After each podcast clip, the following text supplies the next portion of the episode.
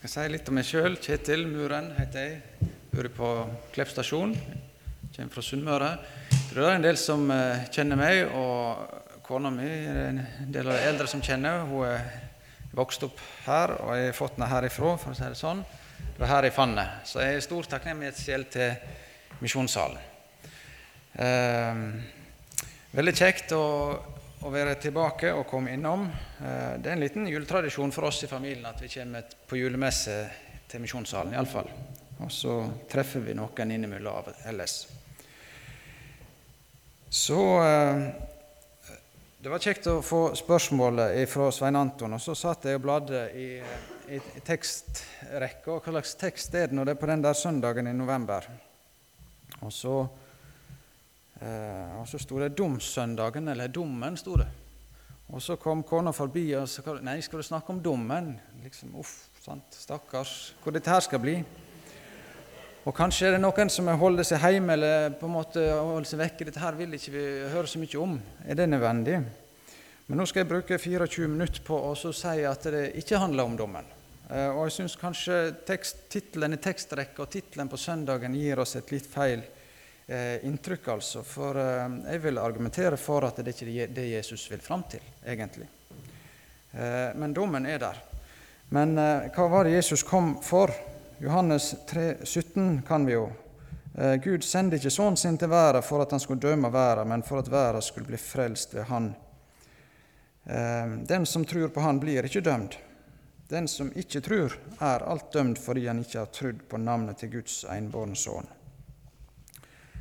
så er det noe eh, på en måte dobbelt og noe kanskje vanskelig med, med, det med dommen. og Vi må prøve å komme til rette med teologien i, rundt eh, dommen. Eh, er ikke Jesus snill? Er ikke han bare god? Eh, er han ute etter å dømme oss, egentlig? Han sier jo sjøl at han er menneskesønnen her. Han kaller seg for menneskesønnen, og så skal, skal kongen dømme. Og vi forstår at det er Jesus her som skal dømme dømme. Ehm, men hva er hensikta, hva, er det han vil fram til med å være så knallhard om dommen? Hele kapittel 25 i Matteus handler jo egentlig om dommen. De som ikke får være med, og de som, blir, ehm, de som er gode nok på et eller annet vis. Og Kapittel 4, 24 det handler jo om, om endetida. Ehm,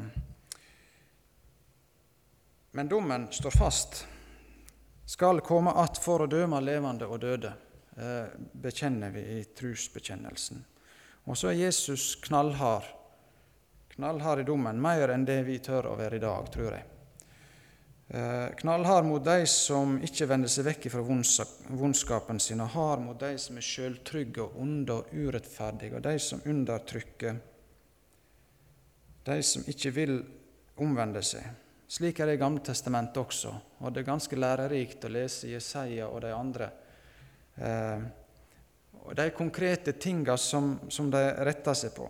Eh, det går jo selvsagt på kritikk mot avgudsdyrkelsen, av at Guds folk vender seg vekk fra Gud, selvsagt, men eh, også langt mer konkrete ting enn det. De som jukser med vekta, og de som eh, bøye av eh, retten i domssalen. Eh, og, eh, og, det som kanskje blir det tydeligste i Matteus, er disse svake.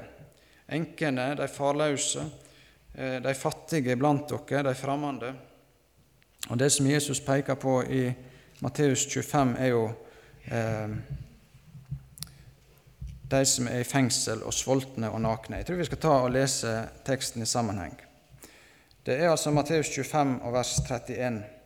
Men når menneskesonen kommer i sin herligdom, og alle englene med han, da skal han sitte på trona i sin herligdom. Alle folkeslag skal samles framfor han, og han skal skilje dem fra hverandre, som en gjeter skiller sauene fra geitene, og setter sauene på sin høyre side og geitene på sin venstre.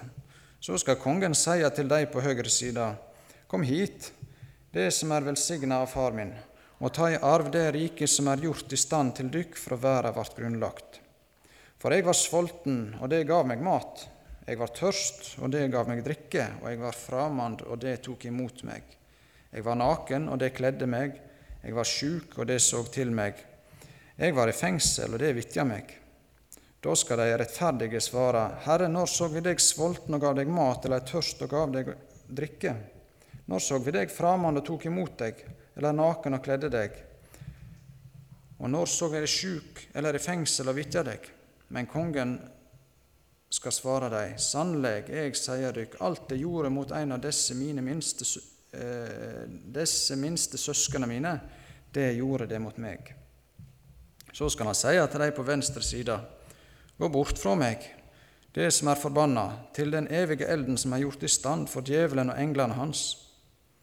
For jeg var sulten, og det gav meg ikke mat. Jeg var tørst, men det gav meg ikke drikke.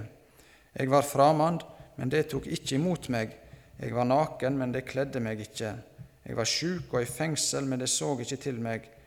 Da skal de svare, eh, Herre, når så vi deg sulten eller tørst eller framand eller naken eller sjuk eller i fengsel, uten å hjelpe deg? Men han skal svare dem, sannelig, jeg sier dykk, alt det ikke gjorde mot en av disse minste, det har det heller ikke gjort mot meg. Så skal de gå bort til evig straff og, den rettferdige, rettferdige til evig liv. Så kan vi kanskje bli litt forvirra. Altså. Er det sånn at Jesus skal dømme etter gjerninga, etter det vi har gjort? Eh, kanskje ser det ut som at de gjorde det samme, disse to gruppene her. Hvorfor er det da sant? Er det noe urettferdig, dette her? Eh, men la oss først holde fast at eh, frelsa Jesus, den står fast, sånn som vi leser fra Johannesevangeliet. Han kom ikke for å dømme, og den som tror på Han, blir ikke dømt. Eh, den har fått del i det evige livet. Gud rettferdiggjør den ugudelige, sier Paulus i, i Romerbrevet. Derfor så kommer vi ikke til dom, vi som har tatt imot Jesus. Så evangeliet gjelder her også i Matteus 25. Og vi må forstå Matteus evangeliet på bakgrunn av det. Um, Jeg tror vi må se hele kapittel 25 i, i sammenheng. Det er tre avsnitt. Det første avsnittet handler om eh, disse brurmøyene, brudepikene, som ikke har oljen på lampen. De, de uforstandige er ikke klar til å møte brudgommen når han kommer. Og så er det eh, de kloke, de er klar. Og så har du eh, lignelsen om talentene. Der er en som er lat Eh, eller redd og ikke bruker det han har fått, og han møter fordømmelsen. Mens de som har gjort det de skal og brukt det de har fått, de får ros. Og Så kommer teksten om dommen her om sauene og geitene som skal skilles. Så for meg så går det opp i grunnen hvis en ser det, teksten i sammenheng, og så sier det som sånn at eh, de som har fått olje på lampen, de som har fått eh, livssamfunnet med Gud på plass, for de vil tjenester komme som noe naturlig. De vil ha en trang til å forvalte talentene sine og stå i den tjeneste som Gud hadde tenkt dem til. De vil også da, sånn som ta seg av disse mine minste, slik som Jesus forteller om her. Men så kan du forstå det som sånn at de som da ikke tar seg av disse mine minste, de som ikke går inn i ei tjeneste eller forvalter det de har fått, og de som ikke bruker talenten sin, de kan du forstå som de uforstandige eh, brurmøyene som egentlig ikke hadde livet sitt i orden med Gud. Eh, vi kommer litt tilbake til til den forståelsen der. Men jeg tror det er iallfall det jeg har landa på. Så frelsa, den er ufortjent og bare av nåde. Men hvordan kan du si at du er frelst om du håner Gud med å krenke et medmenneske? Jesus identifiserer seg så sterkt med disse mine minste at han sier at det er det som du gjør, eller det du ikke gjør mot dem, ja, det gjør du mot Han. Når Paulus er på vei til Damaskus for å fengsle de kristne og for å forfølge dem, så stanser Jesus Paulus og sier han, 'Hvorfor forfølger du meg?' Det hadde ikke Paulus tenkt på. At det var Jesus han forfulgte. Det er veldig tydelig eh, Matteus, eller, eller, Jesus, da, gjør det veldig tydelig for oss at Guds rike er kommet nær. Guds rike, eller himmelriket, det er kommet nær her og nå. Vi står, har fått del i nåden, og jeg har fått del i det evige livet, men det er her allerede nå. Eh, det har allerede begynt. Og det har begynt på den måten at eh, vi har fått et nytt liv sammen med Gud i tjeneste for medmennesker, og der medmennesker eh, får et nytt syn på medmennesker. Eh, og om ikke dette preger livet til en kristen, eller til den som mener seg å være en kristen, så er han under Guds dom. Og Jesus snakker jo om, om greina skal bli hogd av så hvis ikke hun bærer frukt. Det er ei livslov at livet med Jesus skal bære frukt, og at det skal føre til noe. Der er, men det blir en problemstilling i kirkehistoria og blant kristne at en tenker at nå har jeg jo tatt imot Jesus, og det er jo helt gratis og ufortjent av bare nåde, så derfor så trenger jeg ikke gjøre noen ting som helst.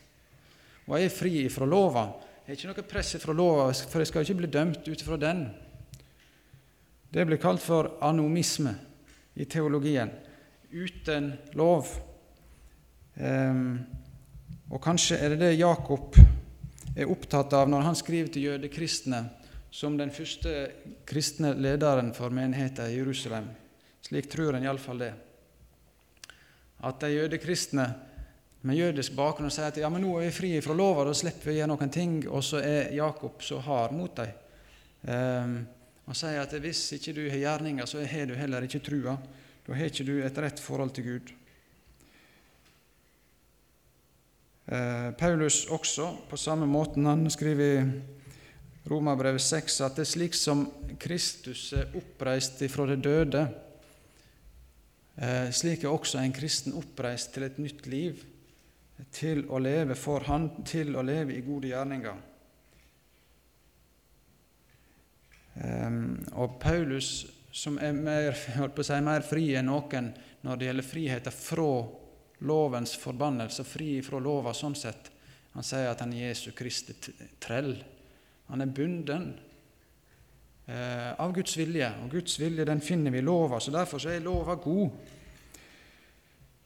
Og Guds veiledning for oss er til beste for oss og til beste for medmenneskene våre. Men så er vi også i Norge individualister, vi sjølsentrerte. Marit og Leif har sikkert fortalt om offerviljen i Tanzania. Eh, den har jeg også opplevd og ofte har kommet til kort og på en måte skjemmes av hvor lite jeg gir. Eller, sant? De gir jo alt, bokstavelig talt, eh, for å være til hjelp for noen. Det kan jo være til hjelp for Guds rike i å nå ut med evangeliet, men det kan også være å betale sykehusregninger for noen, eller eh, som ikke nødvendigvis er familie heller. Eh, vi har det med å tenke på oss sjøl. Mine ting er mine, og jeg holder for, holder for meg sjøl. Men Guds rike bygger fellesskapet, og det, Guds rike vil ta særlig ansvar for de svakeste.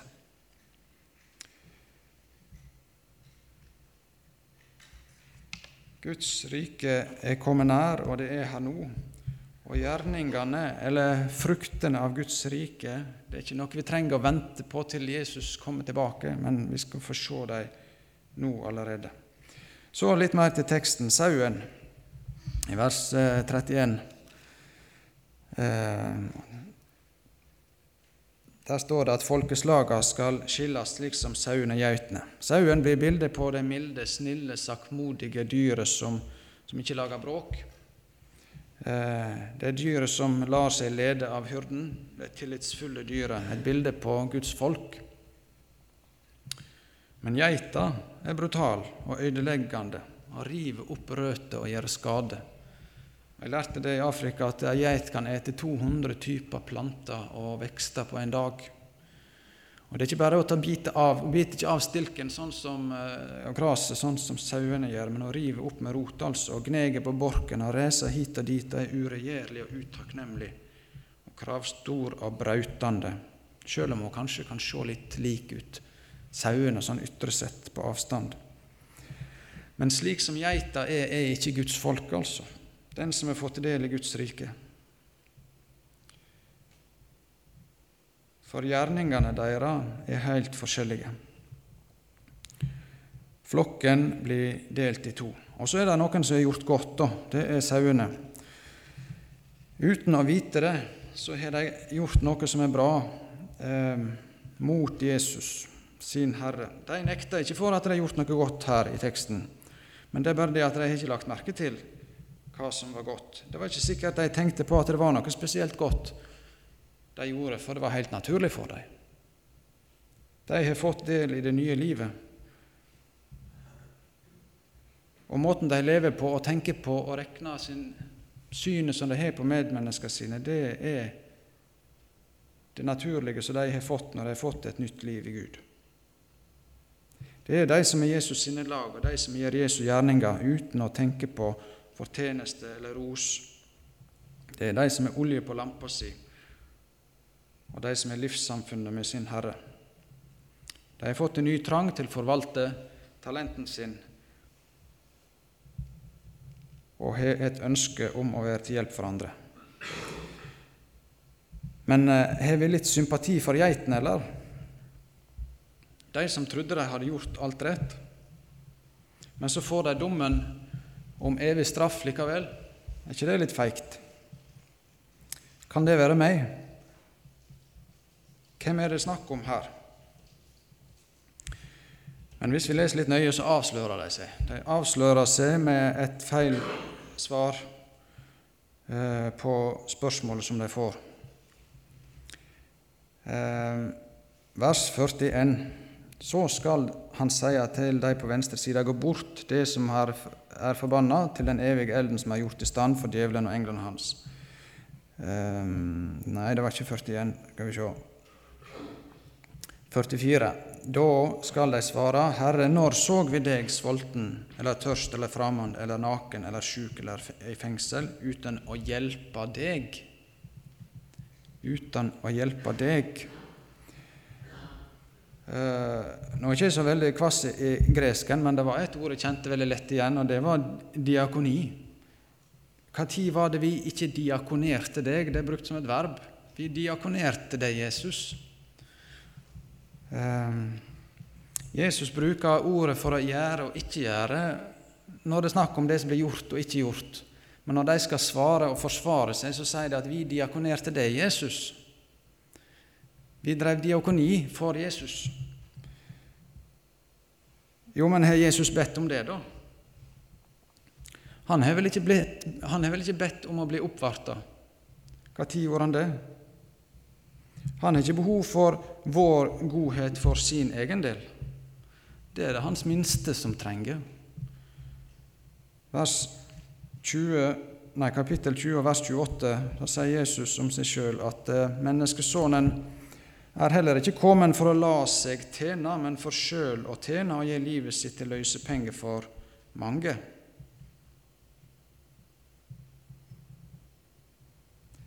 De tenkte at meninga med livet som kristen da, eller som Guds barn, eller hva de rekna seg for å være, det var det at de skulle ha en tjeneste som skulle gjøre Gud glad, og de skulle få Guds vennskap av sine gjerninger. Og Så sier Jesus det litt om det i, vers, i kapittel 20. Den som vil være stor blant dykk, skal være tjeneren. Og den som skal være den første, skal være eh, Og den som vil være den første av dykk, skal være slaven dykkar. Så er altså ikke menneskesonen heller kommet for å la seg til, men, sjøl å tjene og gi livet sitt til løsepenger for mange. Eh, det er fariseerinnstillinga, dette her. At vi skal ta oss godt ut for Gud, sånn at Han blir glad for vår tjeneste, min innsats. Da skal han nok bli fornøyd hvis jeg bare gir en god innsats og driver diakoni for han. Men slik er det hedningene tenker. At eh, jeg skal fortjene, jeg skal gjøre noe for at Gud skal bli fornøyd. Paulus eh, møter eh, hedningene i Aten i kapittel apostelgjerningene 17. Og Så sier han det at Gud let seg ikke tjene av menneskehender, som om han skulle trenge noe, han som gjev liv og ande i alt til alle. Han har jo skapt alt, og han er ikke sulten, og han er jo ikke verken tørst eller naken eller fattig. Han som er rik på alt, hva trenger han? Det er ikke han vi skal tjene. Nei, det er disse mine minste, og det har geitene, da, eller hva vi nå kaller dem, de som hører fordømmelsen. Det har ikke de fått med seg, altså. De har vært ute etter å sett etter hva hva var det Jesus trengte, eller hva kan jeg gjøre i ei tjeneste for Gud, så Gud blir glad?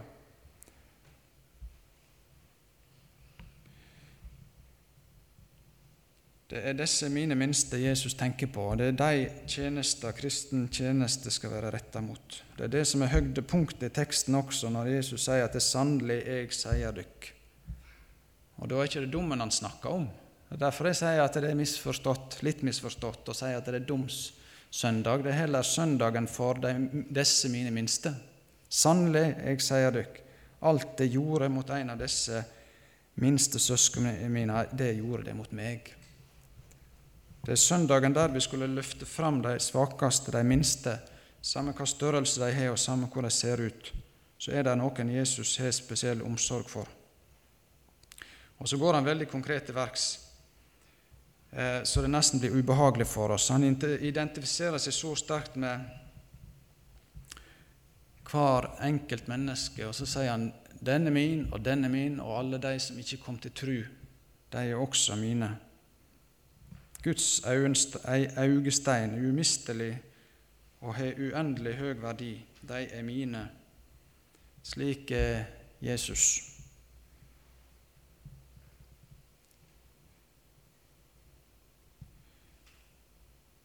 Skapt i Guds bilde, står det i første Mosebok 1.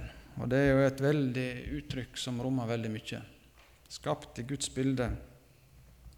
Det vil si hver enkelt av oss og alle mennesker som du møter på din vei, har Guds avbilde, har noe av Gud i seg.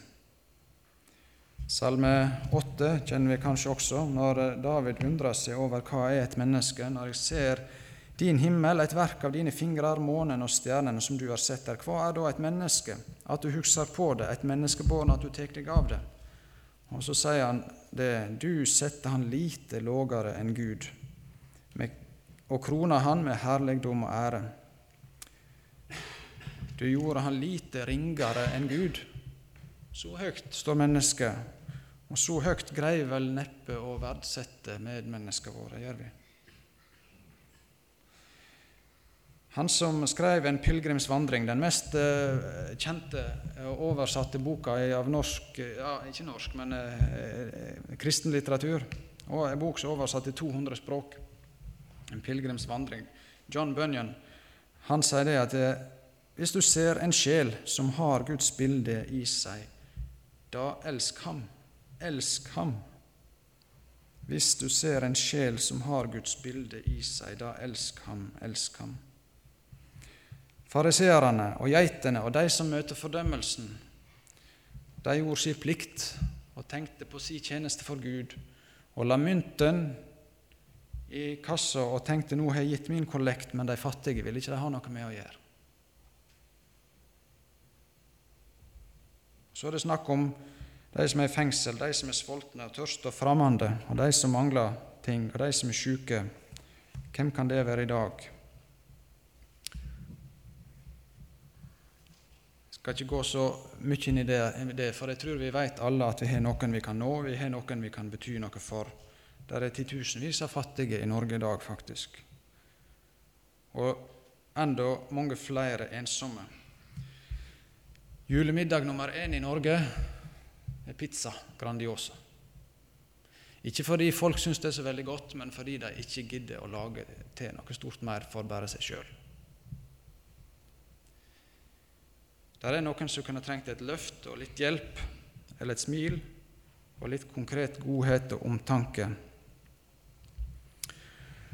Og så står det i en sang sånn Prøv, prøv du å tørke ei tårevått kinn, sjå til dei sjuke og einslige inn. Og om sangen stoppa der, så hadde det vært en sang god nok. Vi er jo vant med å synge videre. Vitne om Herren i livet i sang, så skal du kanskje få se det en gang at du hjelpte andre til Jesus. Og så ligger det noe i vår bedehustradisjon som er veldig sterk på forkynnelsen og på vitnetrangen, og at folk skal, må jo bli frelst. Og Alt det som handler om at folk ikke skal bli frelst, det er på en måte unødvendig arbeid, og det har ikke så mye verdi hvis jeg, for å sette litt på spissen. Men hvis sangen hadde stansa der, prøv du å tørke et tårevått kinn, se til de sjuke og enslige inn, punktum, så hadde det vært ei god kristen tjeneste, det også. Sjøl om du aldri fikk se at du førte noen til Jesus i det hele tatt. Fordi at det slik er Jesus også. Når han helbreda og gjorde vel, så var ikke det bare for at de skulle bli frelst og komme inn i det evige livet til slutt. Nei, Guds rike kommer nær, og derfor så hjelper Jesus mennesker her og nå. Og så helbreder han dem og hjelper dem og løfter dem opp og gir dem et nytt liv, uten tanke på at det kanskje skal de bli frelst en gang. Slik har Frelsesarmeen arbeidet i alle år. Og det er underlig at en organisasjon som har frelse i navnet sitt, og har botsbenken der og vekkelsesforkynnelsen der kan være så populær kan vi si, i den norske eh, sekulære befolkninga. Folk har jo veldig sansen for Frelsesarmeen fordi de har fått betydd så uendelig masse for så mange. Så jeg kjenner litt på at det, i vår NLM-tenkning og bedehustenkning da, så er det noe vi mangler i det diakonale arbeidet vårt. Fordi Guds rike er her og nå, og vi skal løfte opp de minste, disse mine minste, hvem de nå er. Og så kunne vi ha tenkt på litt hva slags arbeid er det som blir, eh, blir verdsatt i Norge. De som arbeider med holdt på å si, stål og stein og teknikk og olje og store pengeverdier, de blir verdsatt. Men hjelpepleieren som steller slagpasienten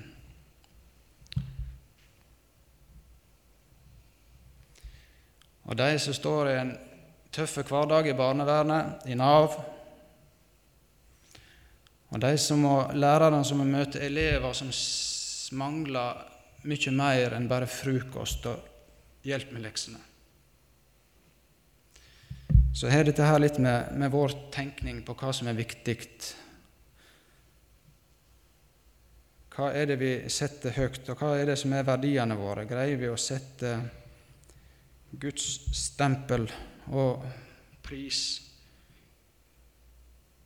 på medmenneskene våre? Profetene i gamle testamentet refser de korrupte og de som forvrenger retten og avgudsdyrkelsen, selvsagt, men ofte så går det igjen dette her med de fattige, enkene og de farløse og de framande mellom dykk. Tredje Mosebok 19. Når en innflytter bor i landet hos dykk, skal det ikke gjøre urett mot han. Innflytterne som bor hos dykk, skal være som en, en av dykkar egne landsmenn. Du skal elske han som deg sjøl for de har sjøle vært innflyttere i Egypt. Jeg er Herren dykkar Gud. Og Hvis Moses skulle konkretisert dette her for oss i dag, da, hva hadde han sagt da? Da har han kanskje sagt det at når du som arbeidsgiver behandler jobbsøknaden til den som har et utenlandsk navn, så skal du få vurdere den på akkurat lik linje med den som har et norsk navn. Og når du som er kristen har en innflytter som nabo, så skal du være minst like god nabo for han, selv om han lukter hvitløk, og har andre skikker som du er mot den naboen som eh, lukter bacon og pannekaker, og har norske skikker. Vi var inne på Jakob, Jakobs brev. Det har fått et ufortjent dårlig rykte. Noen har jo meint at Jakobs brev er lovisk fordi at det snakker om gjerningene. Men Jesu egen bror, som vi regner med er forfatteren av eh, Jakobsbrevet, som advarer jødene, de jødekristne, mot å lene seg tilbake på nåden og ikke egentlig ta inn over seg at eh, Jesus ikke har oppheva lova. Han har oppfylt lova, men lova står der like fast, og Jesus skjerper lova for oss. Og Jakob setter også på plass eh, kristenlivet for oss. Jakob 1,27.: Ei rein og feilfri gudsdyrking for Gud vår Far er dette. Og Det er nok noe fariseerne ikke likte å høre, for å si det sånn. Ei rein og feilfri gudsdyrking for, for Gud vår Far er dette. Sjå til enker og foreldreløse barn i deira nød, og ikke la seg flekka til av verda. Så konkret og hverdagslig er Guds ord. Eh, det slo litt imot meg når jeg las det verset her. Rein og feilfri gudsdyrking for Gud, for Far er dette, å se til enkjer og farløse barn i deira nød. Det er 38 år siden far min ble enkemann. Han satt igjen med fire fra to til ti år.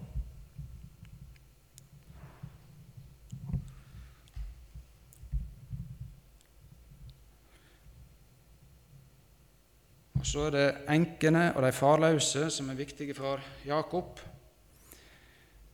Fordi at de kristne blir forfulgt eh, av jødene eh, på den tida her, og de blir pressa av romerne.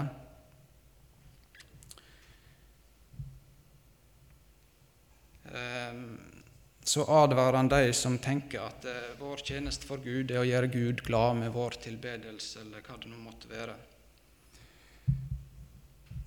Tjeneste for Gud er ei tjeneste for nesten først og fremst.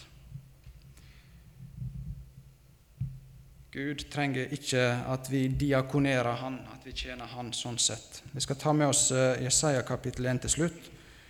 Og jeg tenker jo at eh, det er noe av det samme som klinger igjen i, hos Jesaja som det er hos, i Matteus 25 her. Der står det om folk som rekker hendene i været og tilber Gud. Men eh, Jesaja formidler Guds budskap til dem og er rasende på dem og sier at i vers 4, Jesaja 1,4.: De har forlatt Herren, forakta Israels hellige og vendt ryggen til Han. Og I vers 10 så kaller han dem hør, her, eh, hør Herrens ord, det er Sodoma-hovdinger. Lytt til Guds lov, du godmorgenfolk. Tenk å titulere dem på den måten. Hva skal jeg med alle slaktofra dykkar, sier Herren. Jeg er mett på brennoffer av værer og på fett av gjøkalver. Blod av okser og bukker og lam har jeg ikke lyst på. Hvem krev slikt av dykk når det kjem og viser dykk for mitt andlet?